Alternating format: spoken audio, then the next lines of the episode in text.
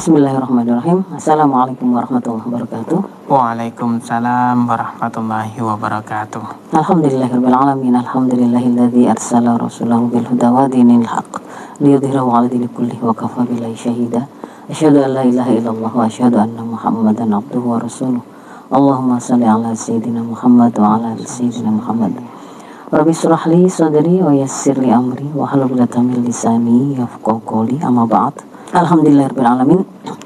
Telur El Victor, sahabat-sahabat yang menyimak perbincangan pada Fajar Syiar pada pagi hari ini. Semoga dalam keadaan sehat walafiat dan diberkahi semua urusan kita. Uh, saya ingin hari ini men, uh, menjadikan perbincangan kita pada pagi hari ini itu untuk kita mendapatkan sebuah apa namanya bekal atau amunisi begitu ya bagaimana kemudian kita bisa mengurai persoalan uh, mental problem atau mental health pada generasi atau bahkan nggak hanya pada anak-anak muda kita sebenarnya juga bisa jadi juga persoalan uh, mental illness ini juga uh, menimpa orang-orang yang lebih dewasa atau orang tua mereka gitu.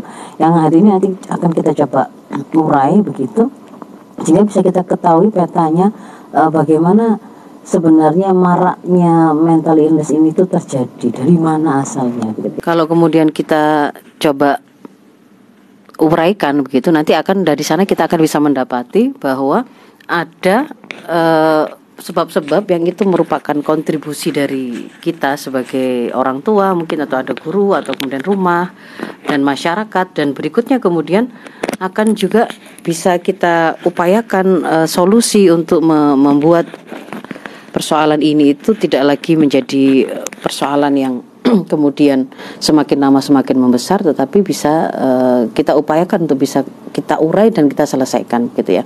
Nah, uh, kalau kemudian kita membaca angka gitu ya Mas Isak ya membaca persoalan kesehatan mental ini dalam angka kita akan menemukan ada survei yang dilakukan oleh Indonesia National Adolescent Mental Health Survey di Oktober 2022 yang pada waktu Oktober 2022 itu ketika dirilis itu menjadi sebuah survei yang cukup mengagetkan begitu ya. Okay. yang mengatakan atau mendapatkan hasil temuan bahwa satu dari tiga remaja Indonesia yang berusia antara 10 sampai 17 berarti dari SD sampai SMA ya atau mungkin sudah ada yang kuliah juga itu uh, satu dari tiga. Jadi kalau ada anak tiga umur segitu di sini ya SD sampai SMA ada di, di di hadapan kita atau kita ketemu dengan mereka satu di antara tiga orang itu memiliki masalah kesehatan mental dalam 12 12 bulan terakhir. Itu menghitungnya satu tahun terakhir. Itu yang kemudian mengalami gangguan atau masalah kesehatan mentalnya itu ternyata satu dari tiga orang. Kemudian kalau uh, sampai pada sampai pada terjadi sebuah gangguan sehingga menimbulkan apa namanya disfungsi atau menimbulkan kesulitan dia itu melakukan tugasnya itu satu dari 20 remaja. Jadi kalau kita bicara ada masalah itu ada gejala-gejala, tapi kalau sudah gangguan, sudah menjadi sebuah sakit, itu artinya seseorang tadi itu akhirnya sampai bahkan tidak bisa melaksanakan apa yang menjadi tugas kesehariannya bahkan mengurusi dirinya juga nggak bisa jadi kalau kita mau coba mundur sedikit ke belakang tentang definisi mental atau atau jiwa yang sehat gitu ya. Pakai kita pakai Undang-Undang Nomor 18 tahun 2014 di sana dikatakan kesehatan jiwa itu adalah kondisi di mana seorang individu bisa berkembang baik fisiknya, mentalnya, spiritual, sosialnya sampai individu itu dia jadi tahu apa kemampuannya. Dia bisa kalau ada masalah dia bisa mengatasi tekanan itu dia kemudian bisa berkontribusi bekerja secara produktif dan kemudian mampu melakukan uh, atau memberikan kontribusinya untuk masyarakat di sekitarnya. Nah, itu kan dikatakan sehat itu. Nah, dikatakan mulai ada masalah atau terganggu itu ketika ada pada kondisi di mana kondisi kesehatan itu mempengaruhi tidak hanya akal, tidak hanya pikiran, tapi juga perasaannya, juga perilakunya, juga suasana hatinya atau kombinasi di antara itu semua yang sampai mempengaruhi kemampuan seseorang itu menjalani kehidupan sehari-hari. Jadi misalkan yang mestinya orang itu paham dia harus menjaga kebersihan tubuhnya dengan misalkan mandi gitu ya. Kalau dia itu apa namanya lapar, dia itu tahu bagaimana cara memenuhi kebutuhan makannya. Kalau kemudian dia itu eh, mau keluar rumah atau kemudian mau bertemu orang, bagaimana kira-kira penampilannya yang itu tidak akan membuat dirinya itu menjadi malu misalkan. Nah itu kan eh, ukuran-ukuran tentang pertimbangan yang melibatkan pikiran, melibatkan juga perasaan, yang itu kan ya. Itu pada waktu sudah terganggu, bahkan bisa jadi dia tidak bisa melakukan itu. Dia tidak mungkin dia berhari-hari hanya mengurung diri di kamar, dia tidak makan, jangan kan mengurusi anaknya atau suaminya atau kemudian dia melakukan pekerjaannya di kantornya mengurusi dirinya saja bisa jadi dia tidak bisa begitu. Dan ini gejala ini bisa eh, bisa singkat dan waktu sesekali muncul atau bisa berlang- berlangsung dalam waktu yang lama. Dari gangguan itu yang sifatnya hanya semacam muncul gejala saja misalnya rasa pusing yang ber- berkelanjutan begitu ya. Sampai pada keadaan itu terganggu sampai merusak hubungan di rumah, hubungan keluarga, hubungan hubungan di kantor karena dia sudah tidak bisa melaksanakan tanggung jawabnya begitu ya. Nah, itu untuk untuk mendudukkan oh itu namanya gangguan eh, kesehatan mental itu, gangguan mental itu. nah, Ternyata kalau kemudian kita lihat apa yang menimpa kepada anak-anak remaja kita yang tadi dirilis oleh Indonesia National Adolescent Mental Health Survey tadi itu dikatakan ditemukan yang paling besar gangguan mental yang paling banyak terjadi kalau pada anak-anak remaja kita itu gangguan cemas gangguan cemas. Jadi eh, gabungan antara fobia sosial dan gangguan cemas menyeluruh.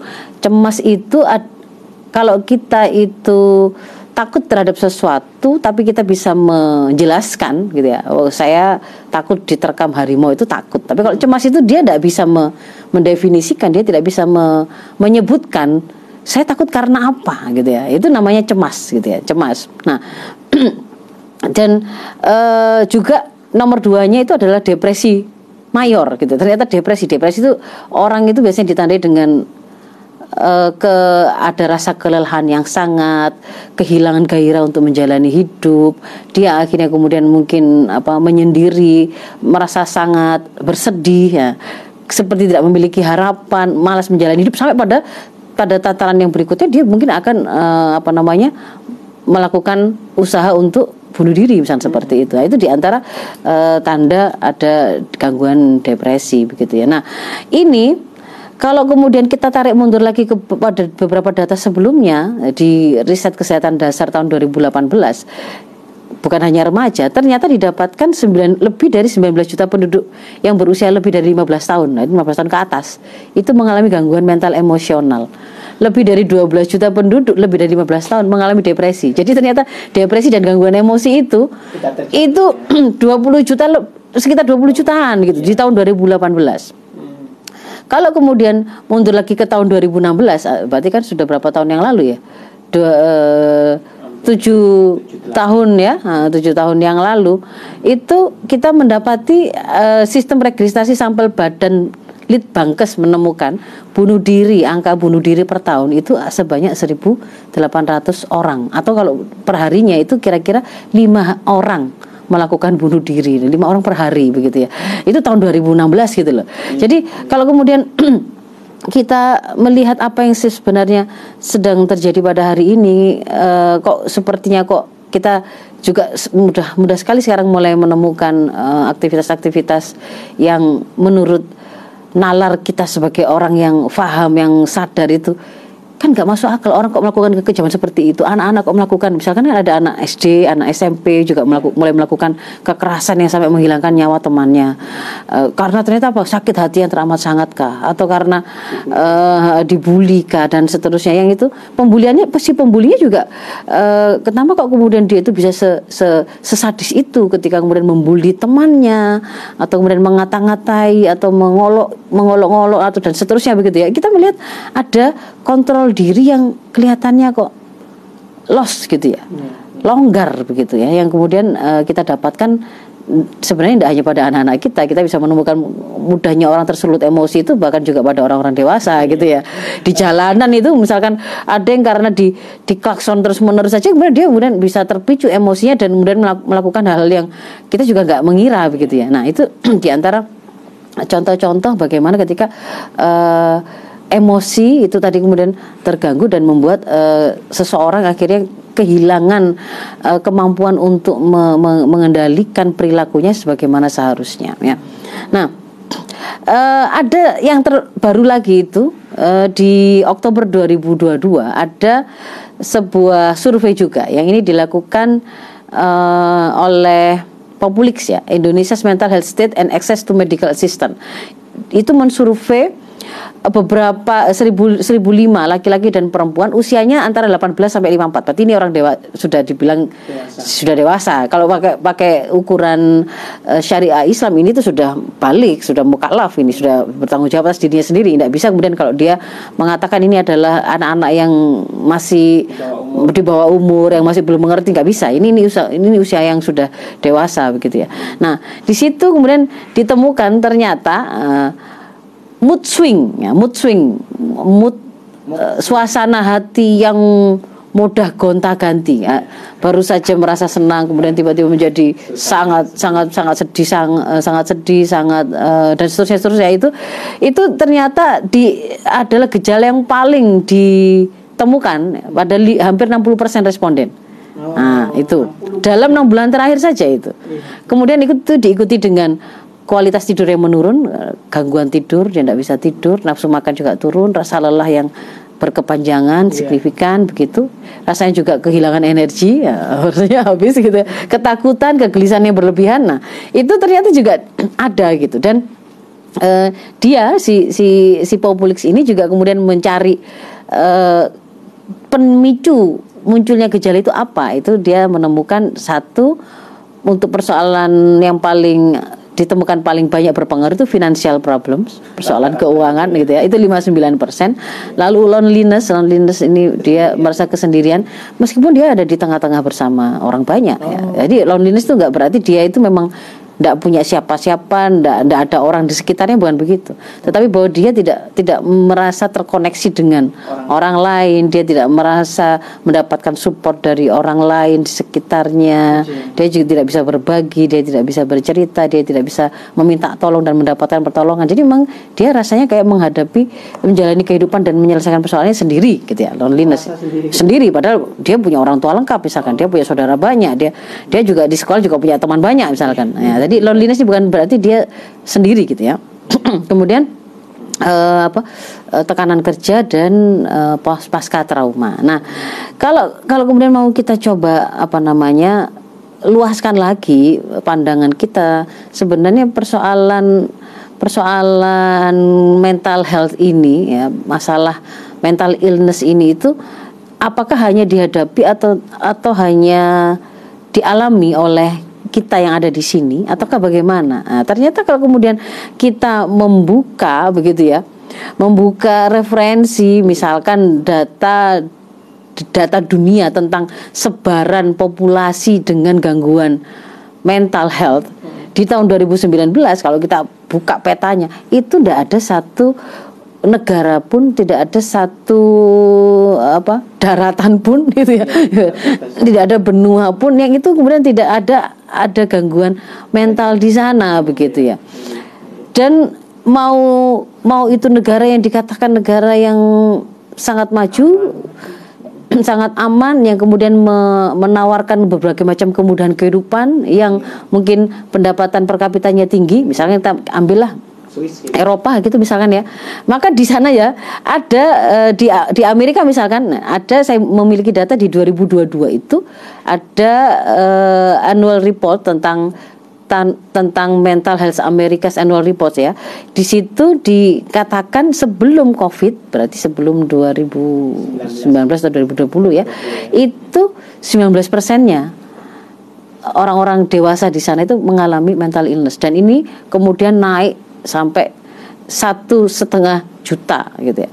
Kemudian kalau upaya bunuh diri gitu di sana juga selama selama satu tahun terakhir itu naik lebih eh, sekitar 15% sampai 15%. Nah, kalau kemudian kita lihat apakah itu ada pada hanya orang-orang dewasa saja, kita coba pindah ke Inggris. Di Inggris itu kita dapatkan saya dari NHS Digital ya, report show, di situ dikatakan satu dari enam anak anak di Inggris itu memiliki uh, probable mental disorder di tahun 2021 satu dari enam anak. Kemudian kalau usia 6 sampai 16 16 tahun itu 39 persennya itu semakin mengalami penurunan uh, apa namanya kondisi mentalnya dan seterusnya ya. Nah, artinya apa? Kita melihat fenomena ini itu kalau mau di mau dibicarakan sebagai sebuah uh, gangguan kesehatan sudah ndak sudah ndak layak kalau kemudian kita me mengarahkan analisa munculnya atau maraknya masalah kesehatan mental ini semata-mata menjadi sebuah persoalan personal. Oh, itu karena si A itu memang kurang iman saja. Oh, itu karena si B karena dia mengalami keluarga yang uh, broken home. Oh, itu karena si C begitu ya. Karena dia pernah mengalami misalkan trauma ini. Enggak, kalau kalau yang kita lihat angka-angka itu seperti ini begitu ya. dia itu ada di mana-mana. Dia menyerang anak juga orang dewasa. Dia men, dia juga menjangkiti laki dan perempuan. Dia juga uh, apa namanya terjadi di di penduduk yang ada di daerah perkotaan tapi juga di pedesaan kan gitu kan ya? Artinya berarti kan ini tuh menjadi satu kondisi penyakit yang menyeluruh. Bahkan kalau kemudian kemarin kita menyebut COVID-19 itu sebagai uh, pandemi begitu ya karena dia uh, sebuah gangguan kesehatan yang menimpa menimpa wilayah itu dalam dalam wilayah yang sangat luas pada saat yang sama kita juga juga mendapati disebut juga uh, pada waktu pandemi Covid itu terjadi double pandemi.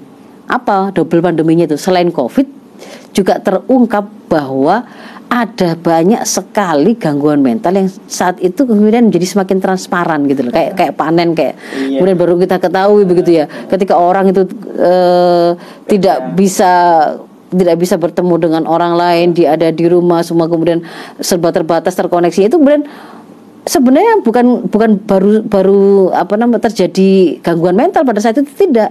Proses itu sudah berjalan begitu. Tapi pada saat e, serangan pandemi covid kemarin itu membuat semua kerusakan-kerusakan kelemahan-kelemahan kerentanan itu kemudian memang keluar ke permukaan. Nah sekarang kita masuk ke dalam jadi dia bukan semata-mata persoalan personal gitu loh Mas Isak ya. Bukan juga ini oh hanya faktor keluarga saja. Sehingga kemudian kalau kita hanya solusinya hanya pendekatan si A itu berarti harus uh, ini apa namanya uh, uh, hanya seperti itu saja dikasih dikasih perhatian dikasih apa namanya saran untuk kemudian uh, mendekat secara secara spiritualnya. Itu tok misalkan seperti itu. Sementara kemudian ada ada banyak faktor lain yang ternyata berpengaruh nanti akan kita coba lihat yang tidak akan selesai. Nah sekarang kita coba urai gitu ya. Kalau kalau menurut dokter Bloom kondisi sehat seseorang itu kalau secara umum itu ada beberapa faktor yang mempengaruhi ya. Ada faktor genetis. Ya. Artinya memang itu dibawa ya menjadi bakat atau sesuatu yang diturunkan dari generasi sebelumnya. Ada ada uh, faktor resiko kalau di dalam keluarganya itu ada orang-orang di di atasnya bapak ibu atau saudara dekatnya dan seterusnya itu yang memang pernah mengalami gangguan mental ini dia juga memiliki kesempatan atau probabilitas kemungkinan untuk juga mengalami gangguan lebih besar daripada orang yang tidak punya faktor risiko itu cara genetis. Lalu kemudian dipengaruhi oleh uh, perilaku. Ya, jadi bagaimana kemudian, ketika kemudian seseorang itu mengalami gejala, lalu bagaimana dia berusaha untuk uh, menindaklanjutinya. Nah, itu faktor kedua perilaku dipengaruhi juga oleh lingkungan Nah, dipengaruhi juga oleh lingkungan karena nanti nanti kita kita akan lihat kalau menurut menurut teori yang lain gitu ya. Lingkungan dan juga uh, bagaimana pelayanan kesehatan yang ada sehingga dia apakah akan mendapatkan pertolongan yang adekuat atau tidak itu seperti itu. Nah, kalau masuk ke dalam itu tadi kan gangguan kesehatan secara secara kesehatan itu dipengaruhi secara umum oleh oleh empat hal itu kalau menurut dokter Blum. Tapi kalau kemudian kita spesifik ke mental disorder, saya langsung pakai saja uh, sebuah penjelasan yang diberikan oleh Prof. Dr. Dr. Aris Sudianto, spesialis kesehatan jiwa, guru besar ilmu kedokteran jiwa di Fakultas Kedokteran UNS Solo ya. Jadi beliau uh, menyampaikan bahwa sebenarnya penyebab gangguan jiwa ini memang banyak, tetapi kalau beliau mau sederhanakan supaya membuat kita lebih mudah mengerti, ada tiga golongan. Tiga golongan. Yang pertama itu hal-hal yang berkaitan dengan gangguan fisik kita, biologis kita atau organ kita. Misalkan seseorang yang dia um, dulunya adalah pecandu narkoba sampai kemudian merusak otaknya atau dia pernah mengalami uh, kecelakaan yang kemudian itu membuat otaknya cedera atau sarafnya cedera. Nah, itu sesuatu yang sifatnya organik, fisik, biologis itu juga berpengaruh. Hmm. Begitu ada kelainan pada otaknya atau karena infeksi tertentu kemudian ternyata membuat dia juga terganggu ya. Uh, atau dia pernah kecanduan obat, kecanduan alkohol lah itu berpengaruh di sini faktor pertama. Faktor yang kedua ini kaitannya dengan uh, tidak terpenuhinya kebutuhan manusia dalam aspek apa? Rasa emosi jiwa begitu ya mental. Jadi misalkan uh, seseorang itu ini karena salah pola asuh hmm. orang tuanya orang tua yang sangat uh, sangat memanjakan bisa atau sebaliknya, sangat tidak tidak merawat dan bahkan juga uh, kerap kali melakukan kekerasan baik fisik maupun mental. Mungkin dia sering dikata-katain dia dihina direndah-rendahkan misalnya seperti itu ya. Uh, ada konflik ada krisis. Nah ini termasuk yang di nomor dua. Yang ketiga itu adalah faktor gangguan sosial atau lingkungan. Ini berupa stresor-stresor penyebab-penyebab stres yang bersifat psikososial. Mulai dari misalkan apa ya persoalan perkawinan, nah konflik di dalam hubungan antara orang tua dan anak, persoalan persoalan apa hubungan antar personal ketika di dunia kerja, di sekolah, di lingkungan, masalah finansial tadi, masalah hukum, masalah dan seterusnya yang sejenis dengan itu. Nah, kalau kemudian kita mau uh, gabungkan lagi dengan penjelasan bagaimana sih sebenarnya seseorang itu akhirnya yang mulanya dia itu normal, kemudian kok sampai kemudian jatuh kepada kondisi orang sederhana mengatakan stres kalau zaman dulu. Sekarang mental illness gitu ya. Kalau dulu kan seringnya bilangnya stres gitu saja. nah, iya, oh ya. Lah, stres itu sebenarnya sebenarnya istilah stres itu itu bukan mewakili kondisi patologis atau kondisi sakit sebenarnya aslinya gitu ya. Okay. Karena sebenarnya kan kita itu hidup begini nih ya sebagai seseorang yang hidup bertemu dengan banyak faktor di sekitar kita orang dan lingkungan dan seterusnya. Stresor sebagai penyebab kita stres itu pasti sesuatu yang alami kita hadapi. ya kan? Iya, ya, iya. kita uh, ketemu dengan misalkan mau berangkat ke tempat kerja, oh suhunya panas misalkan, uh, pulang gitu ya, suhu panas itu bisa jadi stresor sumuk itu kan ya, ya. atau kemudian uh, uh, rasa lapar, rasa haus ya, itu juga dan di tubuh kita juga bisa menjadi faktor stresor juga. Kemudian kita uh, ngobrol dengan teman ternyata kemudian sampai terjadi sebuah konflik itu juga stresor kan gitu. Persaingan dalam dalam mencari uang, dalam persoalan ekonomi atau kemudian melihat kita buka sosmed, kita membaca orang flexing membuat kita kemudian uh, itu juga stresor gitu. Nah, stresor-stresor ini tuh banyak bahkan mungkin ada pada diri kita sendiri. Misalkan ngaca kemudian lihat lu ada ada apa namanya? ada jerawat stres di situ misalkan gitu. itu juga jadi stresor jadi stresor itu memang alami pasti akan kita temui dan kemudian tubuh kita itu akan meresponnya tubuh kita itu akan meresponnya baik secara pemikiran, secara fisik, secara psikis, secara sosial, secara spiritual kita akan meresponnya dan respon itulah yang kemudian akan akan bergabung dengan apa berkombinasi antara kekuatan stresor dan kemampuan kita menghadapi itu untuk kemudian menjadikan akhirnya kita jadi orang yang stres atau tidak stres. Semua orang pasti menemui stresor gitu loh, tapi tidak semua orang itu akhirnya jatuh pada kondisi stres. Nah, jadi di situ berpadu uh, dua hal antara tekanan atau stresor dengan daya tahan dan itu sangat dipengaruhi persepsi. Persepsi terhadap stresor dan persepsi terhadap daya tahan. Nah, karena kalau kita bicara misalkan uh, misalkan trauma lah gitu ya, trauma sebagai salah satu stresor.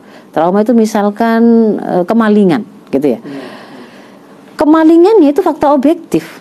Tetapi apakah kemudian uh, fakta objektif itu itu dirasakan sebagai sesuatu yang sangat bermasalah dan memukul jiwa seseorang?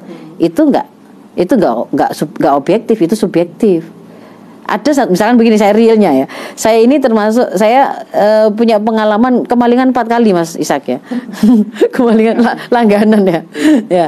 Karena memang nggak waktu itu awal-awal itu tidak ada tetangga jauh dan seterusnya dan kita sering pergi. Dan sebenarnya bukan karena kaya gitu. Rumah itu tidak ada tidak ada barang bahkan. Sehingga kemudian kami yang merasa santai saja gitu meninggalkan rumah itu tadi. Nah, sampai empat kali kemalingan itu yang diambil juga barang-barang barang-barang bukan barang mewah misalkan LPG loh itu kan bukan barang mewah atau ya. Kemudian sampai pada yang terakhir itu sampai ada gula-gula juga dibawa gitu.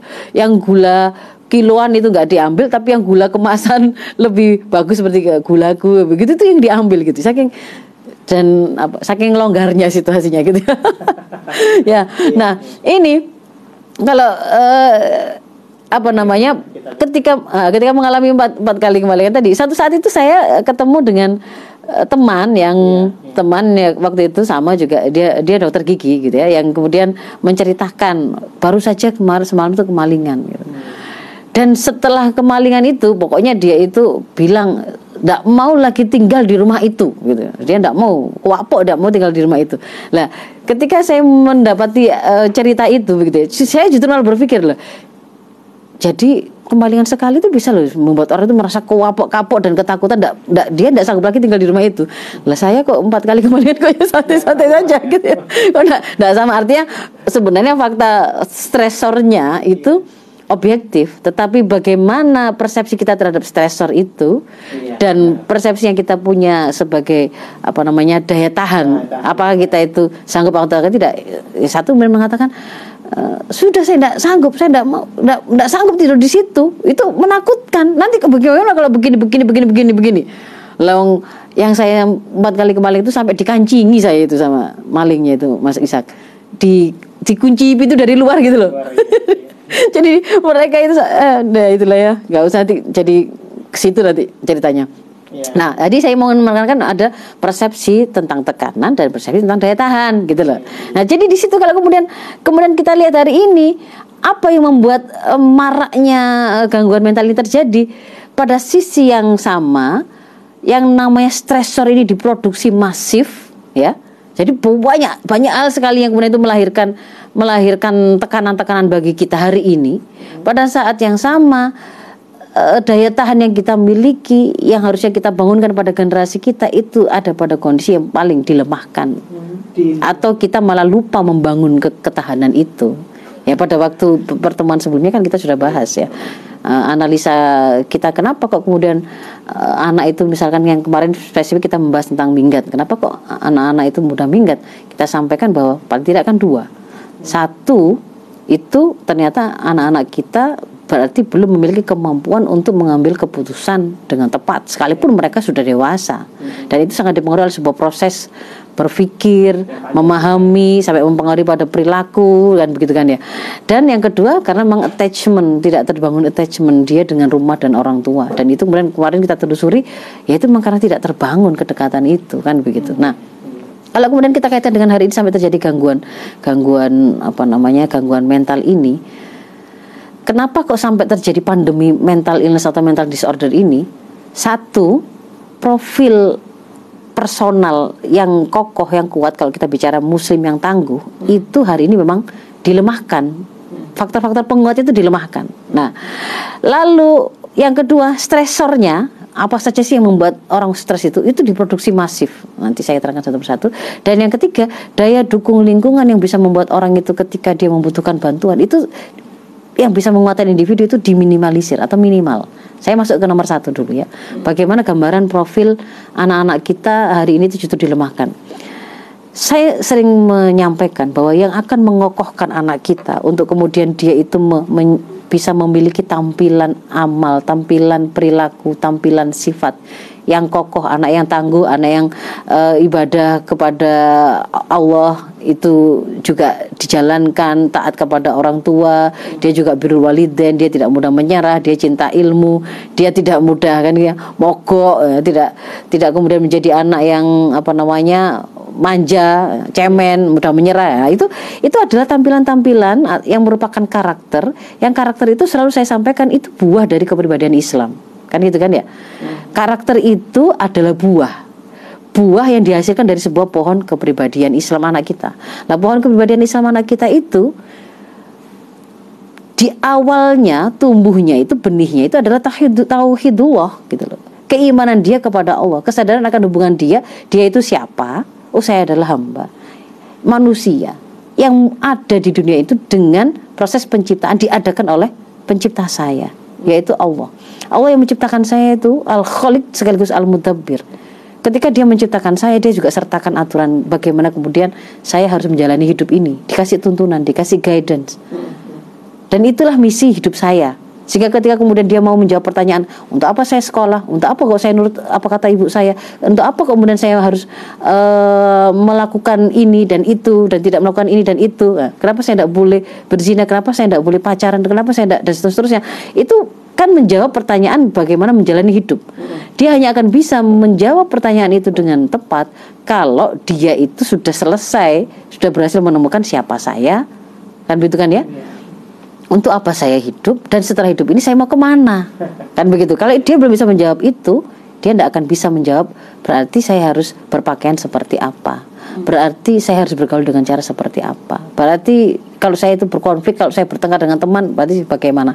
Apakah saya mau ikut war war tiketnya Coldplay atau Blackpink atau BTS atau bagaimana? Itu juga akan bisa dijawab kalau dia sudah ketemu dengan jati dirinya. Nah jadi tadi ada akidah gitu. Akidah ini akan membuat dia me memiliki mem memunculkan pohon gitu ya. Pohonnya itu adalah dia memiliki pola pikir yang islami. Setiap kali berpikir apa pun dia akan selalu bertanya bagaimana Islam memandangnya? Sehingga kemudian terbentuklah pada dirinya pemahaman Islam yang benar. Lalu pemahaman ini dia gunakan untuk mengikat nafsunya. Okay. sehingga terbentuklah pola sikap Islami. Nah dari dari gabungan antara pola pikir Islami dan pola sikap Islami itulah itulah yang namanya kepribadian Islam terbentuk kepribadian Islam dan tampilan buahnya yang bisa kita lihat itu oh anak ini rajin sholat oh anak ini menutup aurat oh anak ini tidak berzina oh anak ini tidak menggunakan kata-kata yang merusak kan gitu kan? Oh anak ini tidak kemudian eh, dengan orang tuanya itu tidak sopan. Nah itu itu tampilan buah gitu. jadi kalau mau dapat buah itu ya tanam pohonnya. Nah ternyata hari ini kita bahkan tidak menanam itu malah kita menghancurkannya. Contohnya gimana menghancurkannya itu? Satu, tadi kan kunci pertama kan akidah. Yang seharusnya kita ajari anak kita itu untuk memiliki keyakinan 100% bahwa memang ada Allah, ada pencipta, ada al-kholiq. Hari ini malah kemudian kita bikin mereka ragu. Yang harusnya tadi itu dia yakin bahwa dia diciptakan oleh Allah, dia harus hidup untuk uh, mengabdi kepada Allah dengan cara menjalani hidup sesuai dengan aturan Allah, dibikin ragu. Enggak kok Tuhan itu sebenarnya hanya ide saja. Kalau kamu kalau kamu mengadakan ya dia jadi ada. Kalau kamu tidak mengadakan nggak ada. Uh, itu hanya keyakinan saja. Itu persoalan ide saja. Atau kemudian kalau dia itu sudah uh, mengetahui bahwa ini dia percaya ada Allah, tapi kemudian disamakan loh Tuhan itu sekedar penamaan saja. Sebenarnya kalau kemudian ada semua agama itu sama. Padahal kan sebenarnya ketika kita mengajarkan akidah yang kuat itu kita ajarkan in apa inadina in the Islam. Karena dia harus yakin betul bahwa hanya hanya Islam inilah jalan hidup yang harus dia ambil untuk kemudian dia mengambil seluruh tuntunan-tuntunannya. Kalau kemudian di, sejak awal digoyang, nggak harus kok semua agama itu sama, nggak harus sholat, nggak harus nggak berzina, nggak harus nggak minum khamr kalau begitu kan? Karena digoyang sejak awal ya akidahnya. Akidahnya kita runtuhkan dengan uh, me, me, melakukan ide-ide sinkretisme yang membuat menyamakan semua agama, mengatakan itu ada ide-ide saja, kehayalan saja. Akhirnya anak-anak agnostik. Lalu yang kedua yang menguatkan generasi kita itu sebenarnya adalah kesadaran bahwa kalau dia itu muslim berarti saya harus hidup sesuai dengan tuntunan syariah. Nah, ini juga di digoncang dengan cara apa? Ide sekuler Mas Aisak. Sebenarnya kamu mau agama apa pun terserah, pokoknya ketika bicara tentang bagaimana bergaul, bagaimana kamu bekerja, bagaimana kamu menata ekonomi, tinggalkan agama sekuler. Nah, prinsip sekuler ini itu meruntuhkan kekuatan uh, kepribadian Islam anak-anak kita.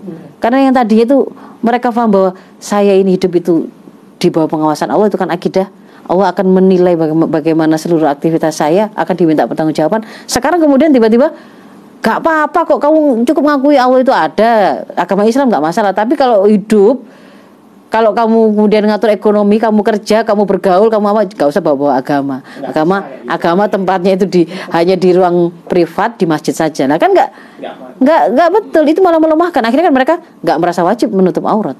Tidak merasa wajib untuk kemudian um, menghindari atau menjauhi hal-hal yang mengantarkan pada zina kan begitu kan dan seterusnya.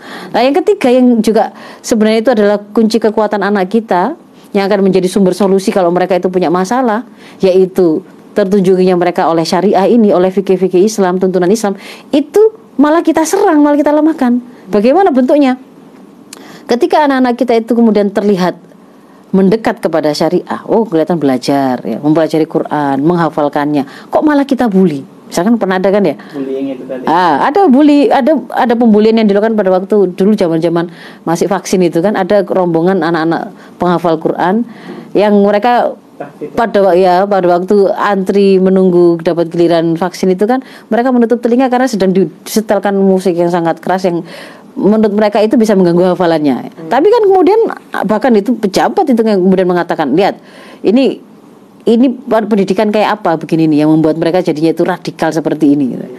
Ya, atau kemudian rilis dari uh, pernah kan BNPT kemudian merilis ciri-ciri teroris atau bibit teroris itu dari rohis lo kan anak-anak yang mendekat ke rohis atau si kerohanian Islam di sekolah-sekolah itu kemudian di, di, dikatakan itu bibit teroris atau ciri-ciri teroris itu yang uh, apa namanya dahinya atau jidatnya itu hitam karena kebanyakan sholat malam atau suka berbahasa Arab no. Jadi padahal kan Al-Quran bahasa Arab begitu kan ya. Arab bahasa Arab itu kalau kemudian dalam pandangan Islam itu bahasa Quran yang harus dia kuasai karena dengan itu itu alat untuk dia bisa memahami tuntunan Allah kan begitu ketika kemudian kita justru me, me, uh, generasi kita anak-anak kita ketika mereka berusaha mendekat pada syariah maka itu sebenarnya melemahkan mereka. Jangan dikira itu malah menguatkan mereka malah melemahkan mereka. Akhirnya kan mereka malah nggak nggak ngerti tuh sebenarnya zina itu hal atau haram sih? Nggak ngerti loh. Ada loh yang nggak mengerti sholat wajib itu itu sebenarnya kewajiban bukan fanatisme. Jadi saya dulu pernah waktu SMA SMA itu kan uh, ada waktu masuk siang ya, enggak tahu kalau masih isak ya. Generasi masih isak itu masih uman sekolah siang enggak ya? Sekolahnya itu siang gitu ya. Yang itu berarti sholat duhur, asar, mungkin bahkan sampai maghrib itu mungkin kalau yang jauh akan sholat di sekolah. Nah kita melihat ada teman itu muslim tapi kok nggak pernah kelihatan sholat duhur atau asar atau apa pun gitu ya nggak kelihatan. Kan kewajiban sesama muslim kan mengingatkan. Ya, kita tanya, ternyata jawabannya ya karena uh, saya itu tidak boleh orang tua untuk fanatik fanatik sholat itu sholat lima waktu itu fanatik, ternyata loh saya kayak nggak paham ya kan begitu ya. Iya, iya. Nah padahal ketika kemudian uh, uh, seorang muslim seseorang itu tidak terkoneksi dengan Allah, hmm. dia tidak lagi menjalin hubungan dengan Allah. Sholat itu kan menjalin hubungan dengan Allah. Ketika dia tidak terkoneksi dengan itu, maka dia ter, terputus koneksinya dengan sumber dari segala sumber kekuatan. Hmm. Dia hanya akan melihat kemampuan untuk menyelesaikan masalah itu yang ada pada dirinya saja kan. Iya. Dan siapa yang kemudian bisa menolong di sekitarnya?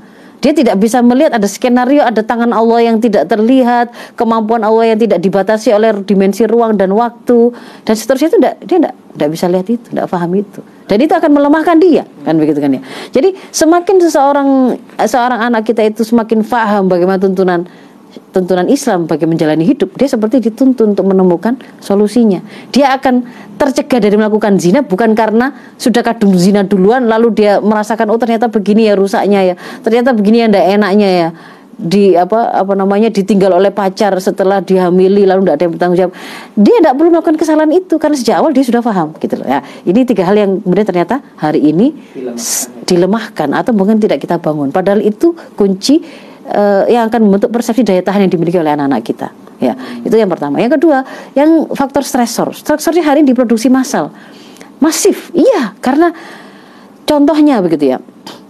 Kehidupan pola pembangunan hari ini yang sifatnya kapitalistik yang dalam rangka untuk namanya kapitalisme yang dunia hari ini kan sedang di di apa namanya dibangun dan di dikuasai atau diatur oleh sistem yang tidak dengan wahyu kan Mas Isak ya. Sekuler yang kapitalisme, yang kapitalistik. Kapitalisme itu artinya kan ide yang menjadikan kapital itu sebagai penentu. Penentu baik buruk, mulia tidak. Orang akan dinilai, oh ini orang yang sultan atau tidak sultan, yang perlu mendapatkan pelayanan segera dengan mana yang bisa diabaikan, terhormat, terhormat atau tidak, mulia atau tidak. Itu kan dari tampilan-tampilan yang sifatnya fisik, ya kan? Oh, bagaimana bajunya, menterang atau tidak kendaraannya, uangnya dan seterusnya mulia tidak mulia, bahagia dan tidak bahagia juga ukurannya adalah materi. Sehingga kemudian kalau kita cermati bahkan ketika membangun peradaban itu loh juga polanya seperti itu akumulasi modal ya.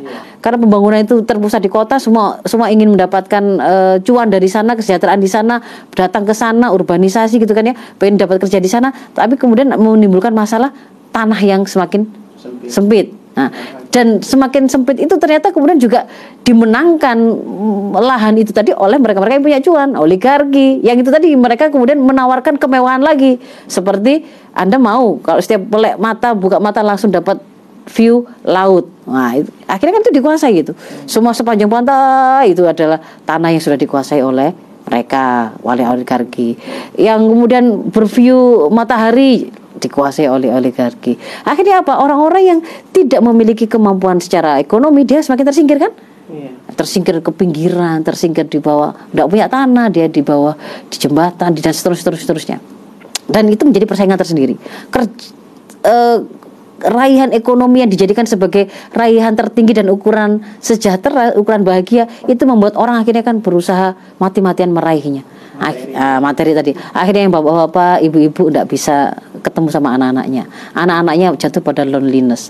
Si bapak dan ibunya dengan persaingan ekonomi yang begitu kuat juga stres sendiri. Tidak sanggup mengurusi anaknya tidak sanggup dengan pasangannya. Perceraian perselingkuhan.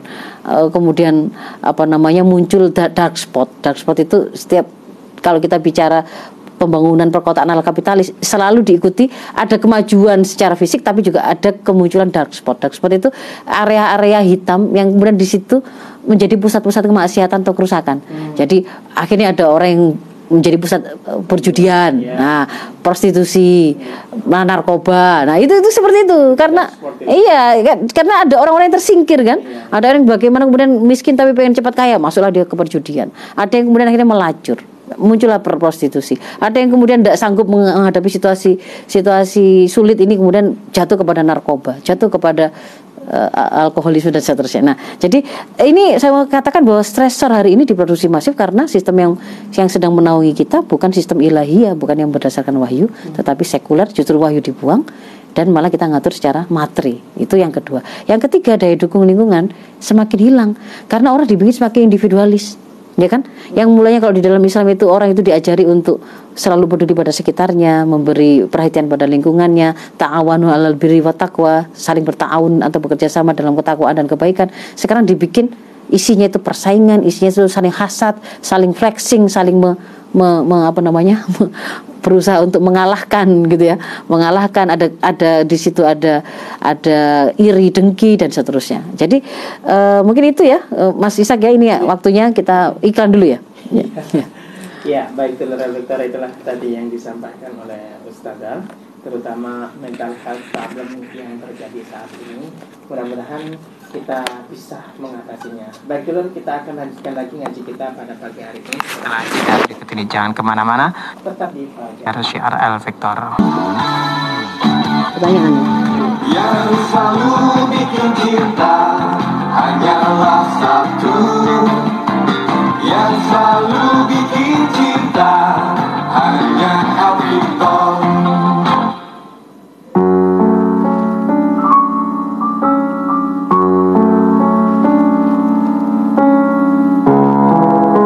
baik dulur L Vector kita lanjutkan kembali dulur. Ya Ustazah ini Ya. sudah ada pertanyaan dari dulur L Vector Ya kita bacakan Ji. Ya. Assalamualaikum Ustazah, mau nanya anak saya berumur 11 15 tahun dan sekarang udah putus sekolah. Karena sudah nggak mau sekolah dan untuk kesehariannya apa pun aktivitasnya harus selalu disuruh atau diingatkan sama saya ibunya. Baik itu waktunya mandi waktu sholatnya itu selalu harus diingatkan cara eh, diingatkan cara untuk menghadapinya harus gimana. Anaknya perempuan. Terima kasih Ustazah. Mas Isak wassalamualaikum warahmatullahi wabarakatuh. Waalaikumsalam warahmatullahi wabarakatuh.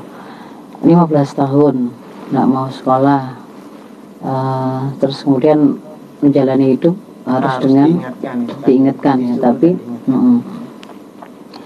ya jadi ini kalau kemudian apa yang harus dilakukan gitu ya ini saya membutuhkan data yang lebih banyak begitu ya Mas Isak ya kalau kalau barusan ini barusan atau sudah berapa lama gitu Iya.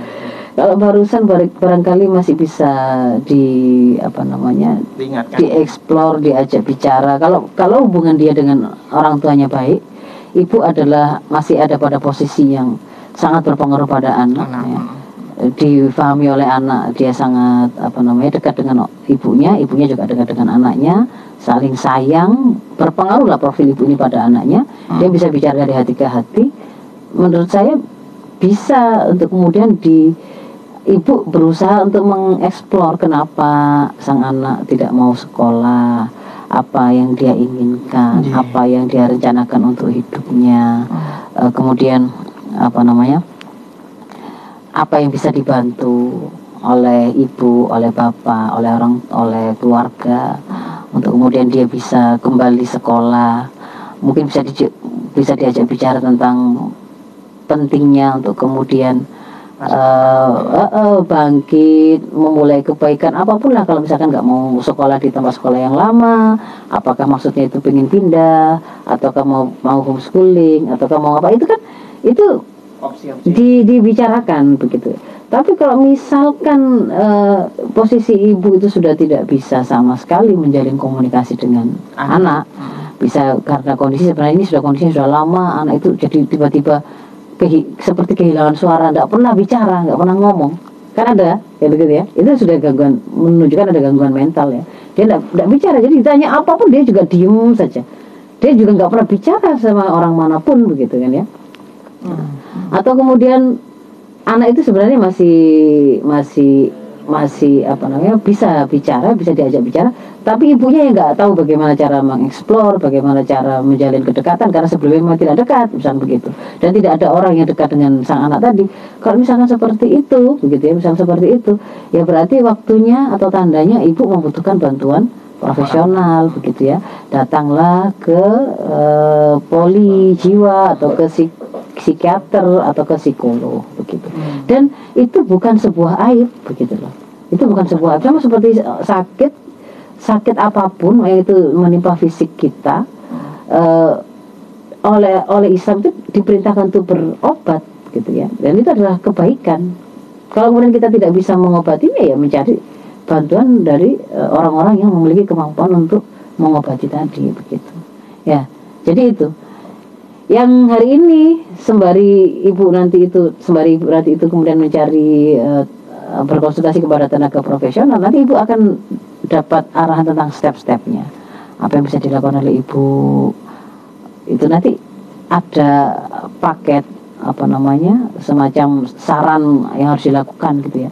Secara fisiknya begini secara mentalnya begini begitu. Jadi tidak tidak bisa hanya dengan cerita itu tadi lalu saya simpulkan dia mengalami gangguan. Sepertinya saya berharap masih belum masih masih belum sampai jadi jadi gangguan atau jadi illness ya. Masih cuma masih ada gejala saja lah ada Mungkin karena faktor Nah, eh, mungkin ya. ada ada satu trauma tersendiri mungkin apa apakah bullying kah atau, ada apa begitu sama apa teman sekelasnya Mm-mm. teman apa itu ya Iya. Jadi harus diperdalam Ah, ah, begitu ah, ah. komunikasi Ah, ah. lebih lanjut kalau masih bisa diajak bicara disuruh makan di- masih masih terbuka kemungkinan untuk masih terkoneksi gitu ya masih masih bisa diajak mikir masih masih terkoneksi dengan dunia luar yang paling yang parah itu kalau misalkan sudah mau mau teman sudah nggak terkoneksi gitu loh kita bicara apa jawabannya apa karena dia nggak nggak nggak nyambung dengan kita gitu iya iya benar benar Iya. masya allah ya gitu ya Ah, ah. Ada Lanjut, lagi Ustazah. Mhm. nih tadi ada yang nelpon ya baik kita terima telepon ya oh iya ya. masuk ya Mhm.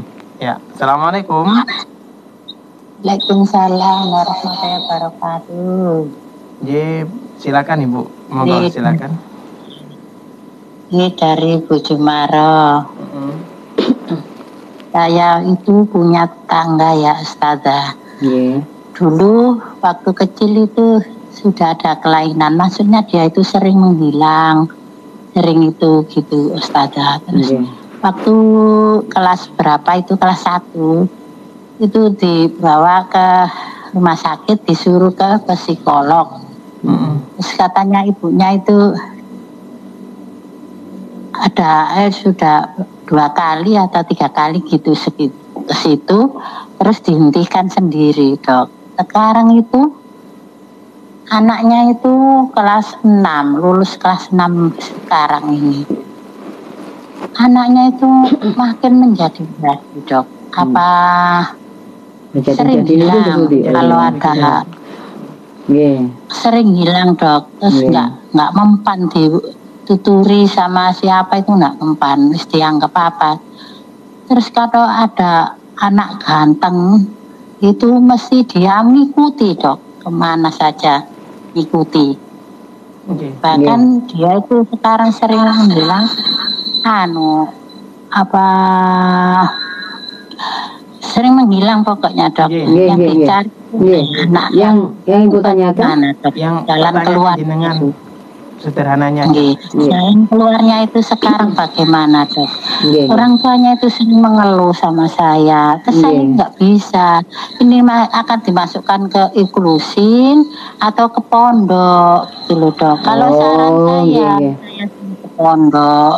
Mungkin Pak Yai bisa anu tak pes ke psikolog lagi, gitu loh dok. Nggih, nggih. nggih. Sudah dok, terima Nggih, kasih. nggih, nggih. Assalamualaikum Waalaikumsalam warahmatullahi wabarakatuh. Nggih. Ya, yang pertama menurut saya itu ke- coba ke psikiater atau ke psikolog. Hmm. Kalau ke psikiater itu eh, atau spesialis ke- kesehatan Kejiwaan. kejiwaan itu ya, Hmm. itu akan nanti akan dievaluasi secara menyeluruh seluruh faktornya gitu ya termasuk tadi itu kan tadi saya sampaikan gangguan mental itu ada karena faktor organik atau biologis atau fisik ya kan Iya. mungkin ada masalah pada eh, kelistrikan otaknya gitu kan ya atau mungkin ada ketika misalkan orang itu mengalami tumor di otaknya itu dia bisa seperti tampilannya gangguan perilaku gitu ya. Kok dia melakukan gerakan yang sama? Kok dia selalu seperti seperti ini atau bagaimana? Itu bisa begitu. Jadi nggak nggak selalu itu pada mentalnya gangguannya. Bukan ada pada masalah bukan ada pada masalah kejiwaannya atau nalurinya yang kemudian tidak mendapatkan pemenuhan. Jadi kan apalagi sejak kecil gitu. Iya. kalau sejak kecil belum sempat mengalami pola asuh yang salah misalkan, tapi sudah sejak bisa jalan dia tuh selalu ngilang-ngilang, minggat-minggat atau nggak mendengar atau itu kan evaluasinya kan akan panjang. Menurut saya jangan di jangan diputus harusnya tadi itu. Jadi saran saya ke poli kesehatan jiwa ke situ. Nanti ikuti saran di situ dulu. Kalau misalkan yang kita khawatirkan itu kan justru dia akan jatuh pada aktivitas yang membahayakan dirinya atau membahayakan orang lain ya kan? Eh, membahayakan dirinya. Kalau dia ngeluyur saja padahal dia itu belum memiliki kesadaran dia tidak paham ini dia tidak ngerti ini ini bahaya tidak bahaya. Ini orang baik orang jahat. Ini siang malam ini tempat di mana? Ditanya dia juga bingung orientasi waktu orientasi tempat orientasi.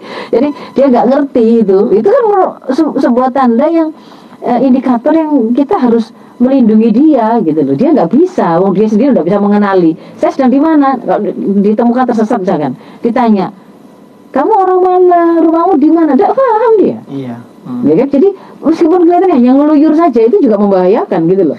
Gitu kan ya? Apalagi perempuan ya. nah iya. Dia tidak bisa. Nanti di, digandeng orang ini orang baik atau orang buruk? Dia tidak ngerti begitu. Jadi eh, jangan bicara bagaimana sekolahnya dulu Iya, benar. Nah, eh, jadi itu dicari tahu dulu sampai kemudian sudah mendapatkan penanganan baru kita bicara Selanjutnya. bagaimana selanjutnya termasuk pendidikannya Hmm. jadi hak hidup itu didulukan, hak sehat itu didulukan sebelum kemudian hak pendidikan. Itu prioritasnya begitu. Saya kira itu ya. Iya. Hal waktunya habis ya, masih saja.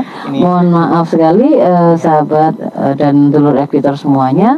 Eh, mungkin memang perbincangan kita tidak bisa kemudian sampai eh, bisa menyelesaikan dan membahas sampai tuntas gitu. ya. Tapi minimal petanya saja lah kita bisa lihat bahwa persoalan gangguan mental hari ini itu bukan sekedar masalah personal, bukan sekedar masalah keluarga. Kalau hari ini ya, lama sampai masih seperti itu, tapi dia juga bagian dari kerusakan peradaban, kehidupan sekuler, yaitu meninggalkan tuntunan wahyu, kapitalisme yang menjadikan materi itu sebagai ukuran, cuan itu sebagai penentu baik, buruk, mulia, tidak dan seterusnya. Itu malah justru akan membuat persoalan dan mengantarkan juga pada gaya hidup liberalisme. Terus pokoknya semau gue, senang-senang, hedonis. Nah, itu berarti harus jadi sebuah pelajaran bagi kita. Kita harus tinggalkan itu. Ya. Kita harus kembali kepada bagaimana hidup bersama dengan tuntunan dari Allah sang pencipta kita dan pengatur kita.